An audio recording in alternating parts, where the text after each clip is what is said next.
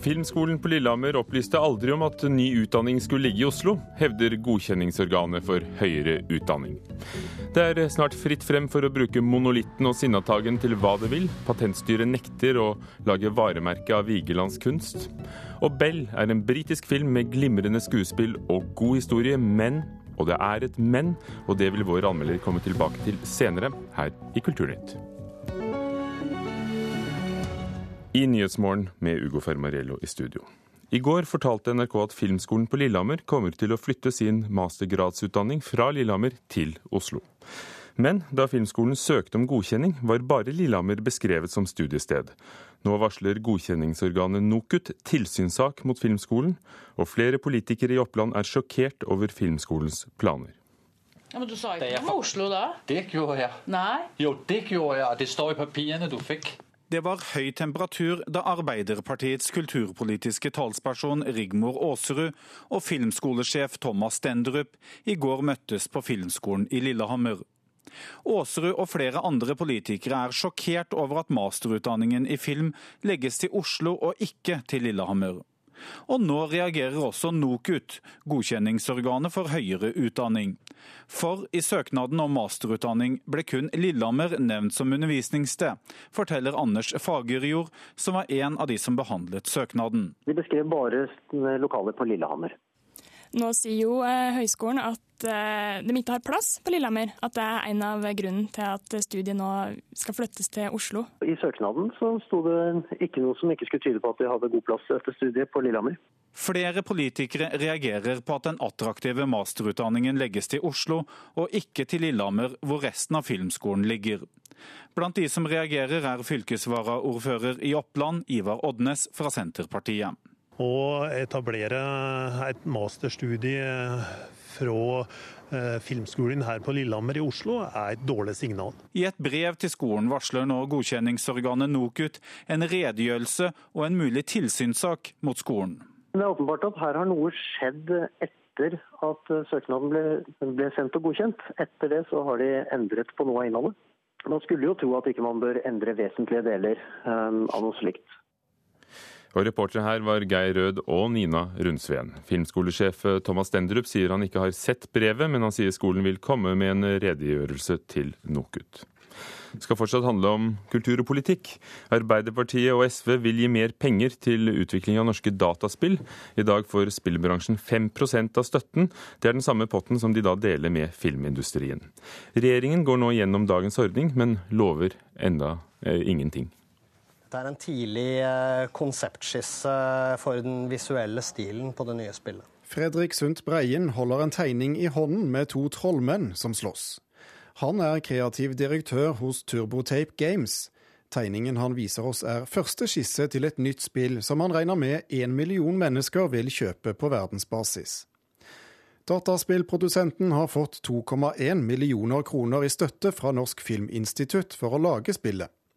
Tidligere denne uken kunne NRK fortelle at spillbransjen nå vil ha en større bit av kaken. I dag er fordelingen av pengene fra Filminstituttet 95% til norsk film og 5% til norske spill. Det er en kjensgjerning at det er eh, like kostbart eh, å produsere gode dataspill, og det har også et mye større internasjonalt nedslagsfelt.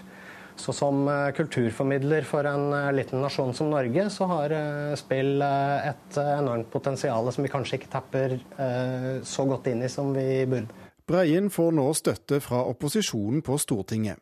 Snorre Valen i SV sier dataspill er undervurdert som kulturuttrykk, og fortjener mer støtte enn i dag.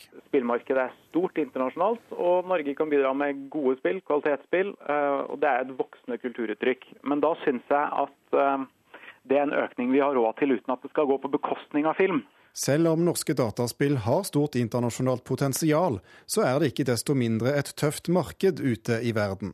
Derfor bør spillbransjen få mer hjelp og støtte på veien, sier også Arild Grande i Arbeiderpartiet. Det jeg aller først eh, mener er viktig, er jo at vi har en kulturminister som begynner å engasjere seg for både norsk film og for norsk spill.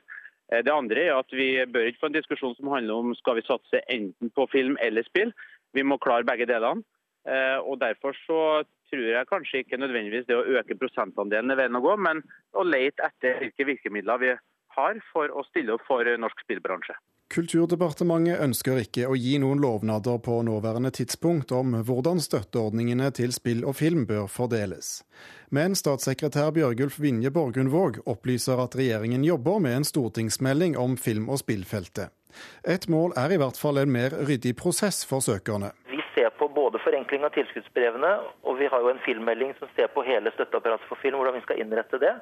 Og ettersom Filminstituttet også eh, forvalter tilskuddsordningen for spill, så er det naturlig å se på den også. Men om Turbotape Games og andre spillprodusenter kan vente seg en større pengepott å søke støtte fra, det må vi vente til statsbudsjettet i høst med å få svar på, sier Borgundvåg. Støtteordningen for dataspill, som ble innført i 2003 for å bidra til utvikling av norskspråklige dataspill for barn og unge, det gjelder jo det samme for den som for andre støtteordninger, at de skal kompensere der markedet ikke er bærekraftig i seg selv. Men politikerne mener at det er viktig å ha et tilbud til befolkningen.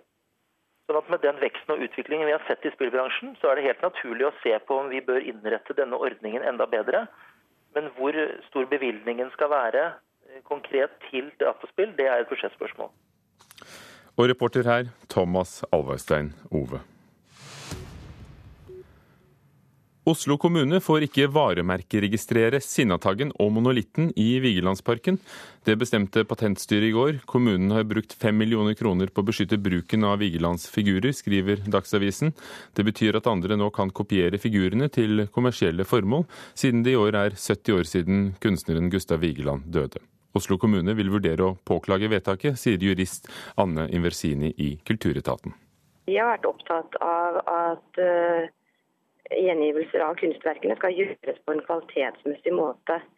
Samtidig så er vi jo også opptatt av det kommersielle potensialet som, som ligger i dette. Hva slags konsekvenser får, eh, får, det for forvaltningen av Vigelands kunst fremover at Patentstyret nå har sagt nei? For det første så vil Oslo kommune ta stilling til hva en skal gjøre med saken, om en skal påklage vedtaket.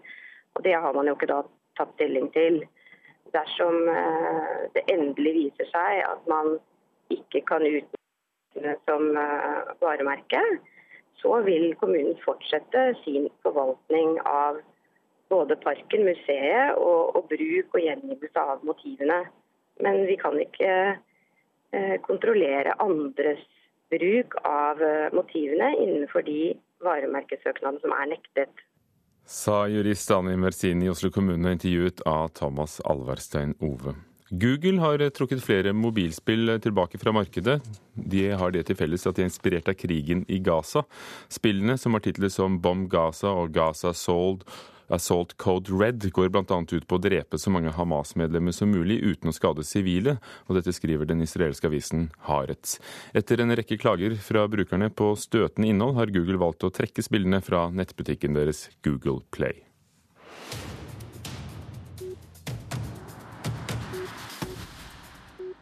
Barokkmusikk og jazz kan kombineres. Det beviser østerrikske Christina Pluhar, som spiller på Nordland musikkfestuke i år. Hun har hatt eh, litt av en karriere, helt siden hun fikk førsteprisen i en konkurranse for tidligmusikk i Malmö på begynnelsen av 90-tallet. På den nye platen hennes, 'Music for a While', spiller Christina Pluhar Purcell som om det var jazz, og vår reporter Johan Tolgert har truffet henne i Paris. Must be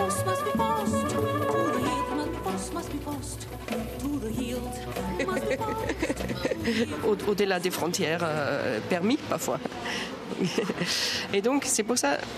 Euh, Music for a while är nog det mest stilbrytande projekt jag någonsin gett mig in i. Det säger österrikiska musikern Christina Plohar som på sin senaste skiva jazzat upp barockkompositören Henry Purcells musik. 49-åriga Christina Ploha är en av förgrundsfigurerna i Europa för tidig musik, alltså renässans och barockmusik. Hennes skiva Music for a while går dock i en annan stil och här blandas alltså barock med jazz. Den har kommit ut i nästan hela Europa. Även om många internationella musikkritiker uppskattar Music for a while så finns det även de som tycker att man inte bör blanda tidig musik med jazz. Det är ett stilbrott, skriver ett par kritiker. Men Ploha står på sig och hävdar att det viktigaste inte är att få bra betyg av musikkritikerna utan att spränga gränser med musiken, det är ett mål för mig, säger hon. Förhoppningsvis kan jazzintresserade människor i sin tur komma att upptäcka tidig musik, eller vice versa. Le classique ou euh, la musique baroque.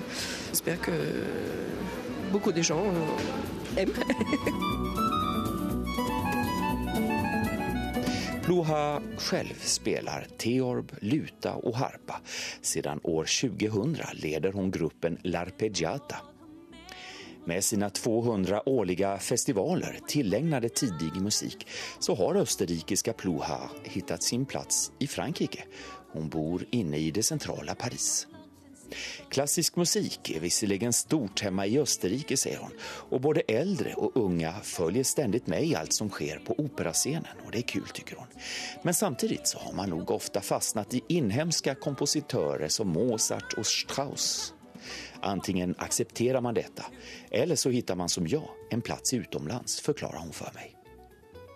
Ploha berättar att hon alltid är nyfiken på musik från andra länder och när hon kommer till Norge så vill hon gärna söka efter norsk musik som skulle kunna passa i hennes repertoar i framtiden.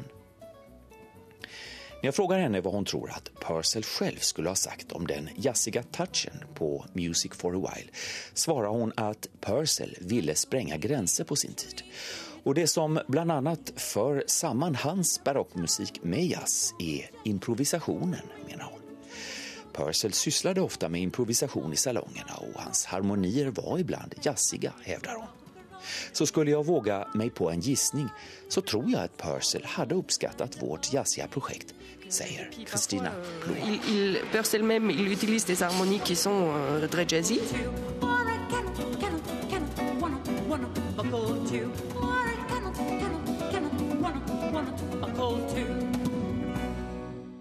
Purser selv brukte jazzete harmonier, påsto altså østerrikske Christina Pluhar, intervjuet av Johan Tolgert i Paris. Pluhar og ensemblet hennes Larpejata spiller i Bodø domkirke på lørdag. Kvart over åtte dører på Nyhetsmorgen i NRK. Politiets bombegruppe har uskadeliggjort den hjemmelagde bomben som ble funnet i går kveld i et bolighus i Siljan i Telemark. Det er langt flere kvinner enn menn som har fått plass på de fleste universitetsstudiene til høsten. De er i klart flertall på juss- og legestudiene. Tidligere kampflypiloter er satt inn i katastrofebrannen i Sverige. Det vil ta mange uker å slukke brannen, påstår de. Og Alf Prøysen trenger nytolkning på lik linje med Ibsen for å leve videre, sier jazzpianist Helge Lien, som vi treffer senere i Kulturnytt. Skarre-r og bløte konsonanter. Reklamebransjen ser ut til å ha fått ørene opp for sørlandsk dialekt, og mener den er mer troverdig enn andre dialekter. Nå kan alle som har Talkmore-abonnement verve en venn. Da gir vi bort to månedsavgifter både til den som verver og den som blir vervet. Skuespiller Jakob Berg fra Kristiansand er en av de som har fått merke at sørlandsk er i her. Berg ble valgt først og fremst fordi han er en flink skuespiller, sier Pål Barth Nilsen, daglig leder i Talkmore. Ved siden av at han kunne ta regi og var en fri og flink person, så hadde han også en flott eh, sørlandsdialekt. Som vi synes ga en ekstra troverdighet og gjorde noe ekstra med reklamefilmen vår. Eh, jeg tror kanskje man liker å stole litt ekstra på Sørlandet, sørlendinger, fremfor kanskje andre folk som bor i andre deler av landet. Eh, jeg tror ikke det er noen ekstra grunn til å gjøre det, men, men like fullt så har, eh, har vi det inntrykket. I 2010 viste en Infact-undersøkelse at sørlandsk var den dialekta nordmenn likte best. Og, og, for en, et varemerke eller en merkevare som ønsker å kommunisere noe til, til sine gitte målgrupper, så er det jo klart positivt å, å, bruke en dialekt som er med på å forsterke et uh, positivt uh, budskap. Sier Stian Rønvåg i kommunikasjonsbyrået Ordkraft.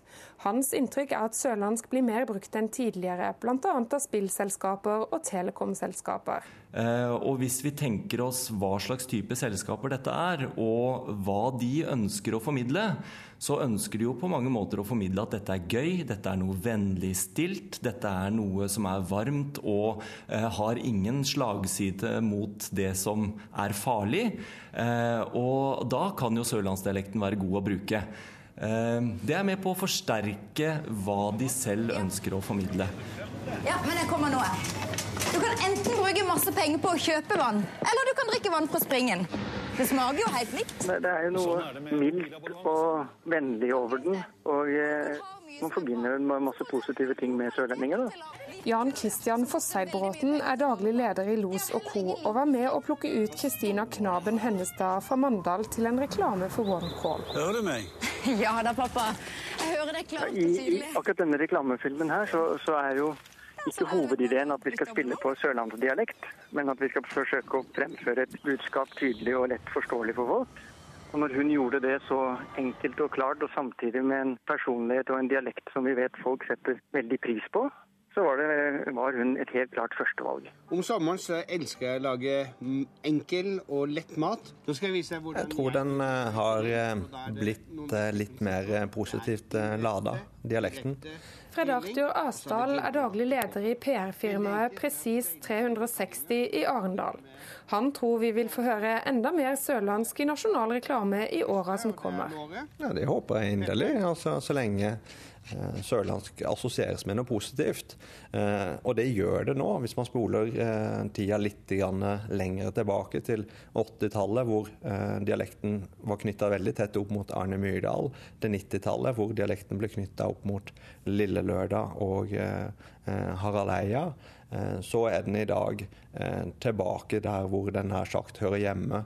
Eh, hvor eh, man eh, kan være en, en stolt bruker av dialekten sin. For mye olje. Desto mer olje man har, desto mer flammer blir det på grillen. Og reporter Miriam Grov. Kunstmarkedet vokser mye. I løpet av årets første seks måneder ble det solgt kunst på auksjon for rekordhøye 7 milliarder dollar. Det er en vekst på 17% i forhold til samme periode i fjor. Dette viser tall fra det franske selskapet Art Price, som følger kunstauksjoner verden over. Mesteparten av kunstsalget foregår i USA, Kina og Storbritannia. De tre landene står for 86% av alt kunstsalg, ifølge nyhetsbyrået AFP. Who's gonna come and take this badass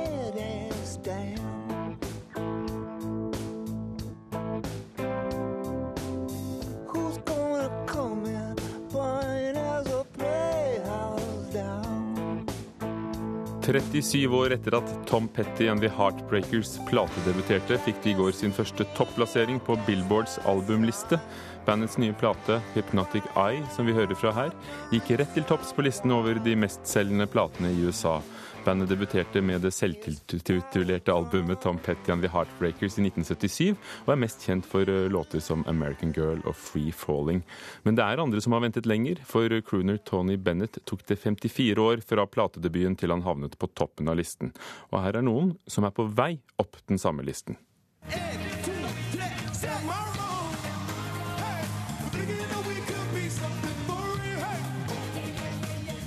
Men foreløpig beholder Oslo-duoen Nico Vince sin fjerdeplass på Billboards hitliste med låten 'Am I Wrong'. Låten er nå inne i sin 16. uke på den amerikanske hitlisten. Nicolay Sereba og Vincent Derry gjør det også bra i Storbritannia. Mandag havnet låten på førsteplass på britenes iTune-liste.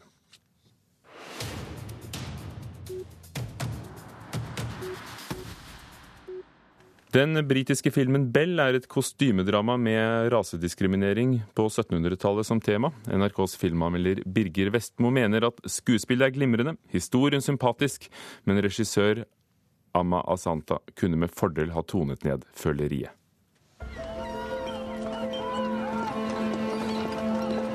Do not be afraid. I am here to take you to a good life. Du har kanskje aldri sett et britisk kostymedrama som Bell. Her handler det nemlig om raseproblematikk i 1700-tallets England. Historien er interessant, og filmens kjærlighetskonflikt er sympatisk. Regissør Amma Asante har laga en sterk og vakker film, men lener seg i overkant mye på komponist Rachel Portmans smektende strykere, som tilfører filmen en større dose sentimental hjerte og smerte enn den egentlig behøver. Men Bell er et godt spilt drama basert på virkeligheten. What has she been named? Dido Bell Lindsay. She takes your name. I am not ashamed. We will call her Dido. Dido Bell, spilt av Gugu Mbata Raw, er datter av en britisk admiral og en afrikansk kvinne, og blir plassert hos farens aristokratiske onkel og tante på et gods i England. Familien tar godt vare på hun, men hudfargen legger begrensninger for hun, både hjem og ut i samfunnet. Så forelsker hun seg i prestesønnen John Davinier, spilt av Sam Reed. Han jobber aktivt for å få en slutt på landets slavehandel, samtidig som Daidos grandonkel, spilt av Tom Wilkinson, er høyesterettsdommer og har fått en avgjørende sak på bordet. Why do you not dine with your family ever? Because that is not correct. Filmen beveger seg i en materie som er brennbart stoff i dag, og som òg begynte å bli betent i siste halvdel av 1700-tallet, skal vi tro filmen. Til og med Dido sjøl er innforstått med begrensningene hennes hudfarge medfører, bl.a. at hun ikke får sitte ved middagsbordet når familien har gjester. Man blir sint på Didos vegne, og på hvor selvfølgelig og likegyldig denne uretten blir begått mot hun. Men filmen forklarer enkelt og effektivt hvordan det britiske samfunnet fungerte på den tida, i hvert fall i aristokratiske samfunnslag, og gir samtidig et troverdig bilde på hvordan enkelte har begynt å gjøre opprør. Though yours explains well enough why I may not marry your son. Dido Bell spilles glimrende av Gugu Mbata Raw. Hun gjennomfører rollen med en nerve, sjel og tilstedeværelse som umiddelbart vekker sympatiske følelser. Samspillet mellom Tom Wilkinson og Emily Watson som henholdsvis grandonkelen og grandtanta er også solid, der begge er gode mennesker, men prega av tyngende samfunnsnormer i forhold til sitt nye familiemedlem. Den er noe naive og drømmende niesa Elizabeth, spilt av Sarah Gaden, skaper interessante kontraster til den mer intelligente og reflekterte Dido. Det er altså mye godt å finne i denne filmen. Den kunne vært enda bedre om regissør Amma Asante hadde tona ned føleriet noen hakk. Flere scener får mer musikalsk drahjelp enn de strengt tatt hadde behøvd, og det fins øyeblikk der emosjonelle svingninger kan virke noe overdrevet. Men som kostymedrama med politisk budskap har Bell så avgjort sterke kvaliteter som gjør den verdt å se. Ikke minst Gugu Mbata Raw i den herlige hovedrollen. Rule when it matters enough, Papa. I am the evidence. Bell, anmeldt av Birger Vestmo, en av ukens premierefilmer. Ibsen har fått nye og moderne tolkninger, nå senest på Nationaltheatret og i Gålå. Alf Prøysens tekster derimot trenger den samme moderniseringen for å nå et nytt publikum, mener jazzpianist og komponist Helge Lien. Sammen med jazzbassist Sigurd Hole har han i kveld urpremiere i Hamar på et nytt verk av Prøysen-tolkninger.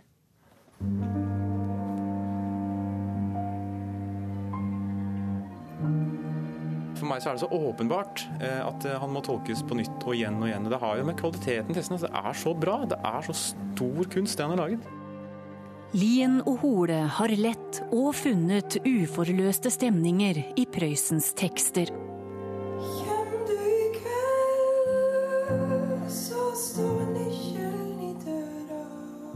Kjem du i kveld ble en ballade om ho som slites mellom lengsel og stolthet, usikkerhet og begjær, fjernt fra den tradisjonelle reinlendermelodien. Jeg vil ikke se av deg hos du skal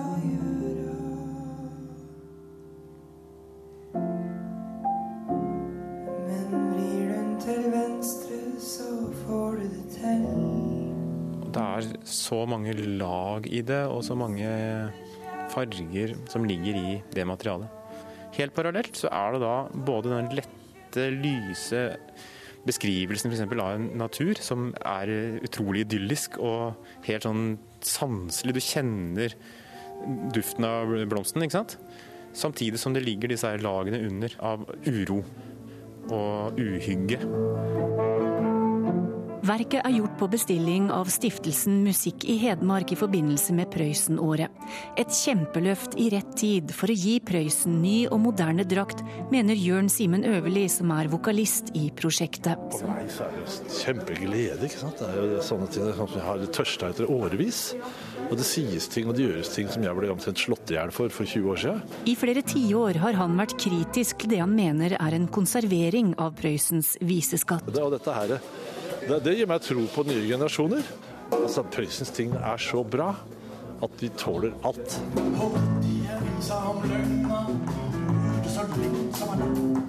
Helge Lien har komponert flere nye melodier i dette verket, men like viktig har det vært for han og Hole å gi nye opplevelser av eksisterende melodier. Bjarne Amdal, eh, Finn Luth, Egil Monn Iversen. Det er eh, veldig mange veldig, veldig bra låter. Og det er for meg en del av det universet som Prøysen er.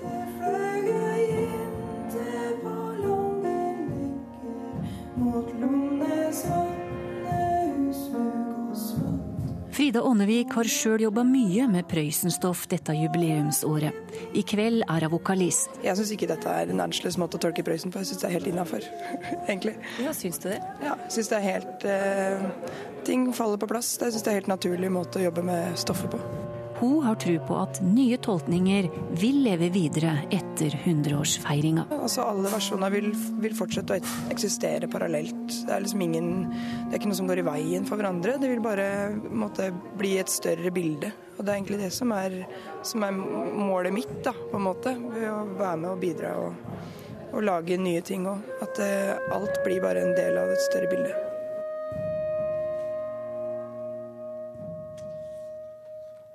Og reporter Torunn Myhre hadde vært på prøvene til det nye verket 'Lyden av Prøysen', som har urpremiere i Hamar i kveld. Vi tar med at neste års Melodi Grand Prix-finale blir avholdt i Wien. Kampen om å være vertskap for Eurovision Song Contest har stått mellom byene Wien, Graz og Innsbruck, men i går ble det avgjort at finalen skal holdes i Wiener Stadthalle i den østerrikske hovedstaden. Det er første gang siden 1967 at Østerrike skal være vertskap for melodikonkurransen, etter at dragartist Conchita Wurst vant årets finale i Eurovisjonens melodikonkurranse. I Kulturnytt har vi hørt at Filmskolen på Lillehammer opplyste aldri om at ny utdanning skulle ligge i Oslo, hevder godkjenningsorganet for høyere utdanning som vil granske skolen. Per Ivar Nordahl var teknisk ansvarlig. Espen Alnes produsent. Ugo Fermariello programleder. Her i Kulturnytt i Nyhetsmorgen klokken er straks halv ni.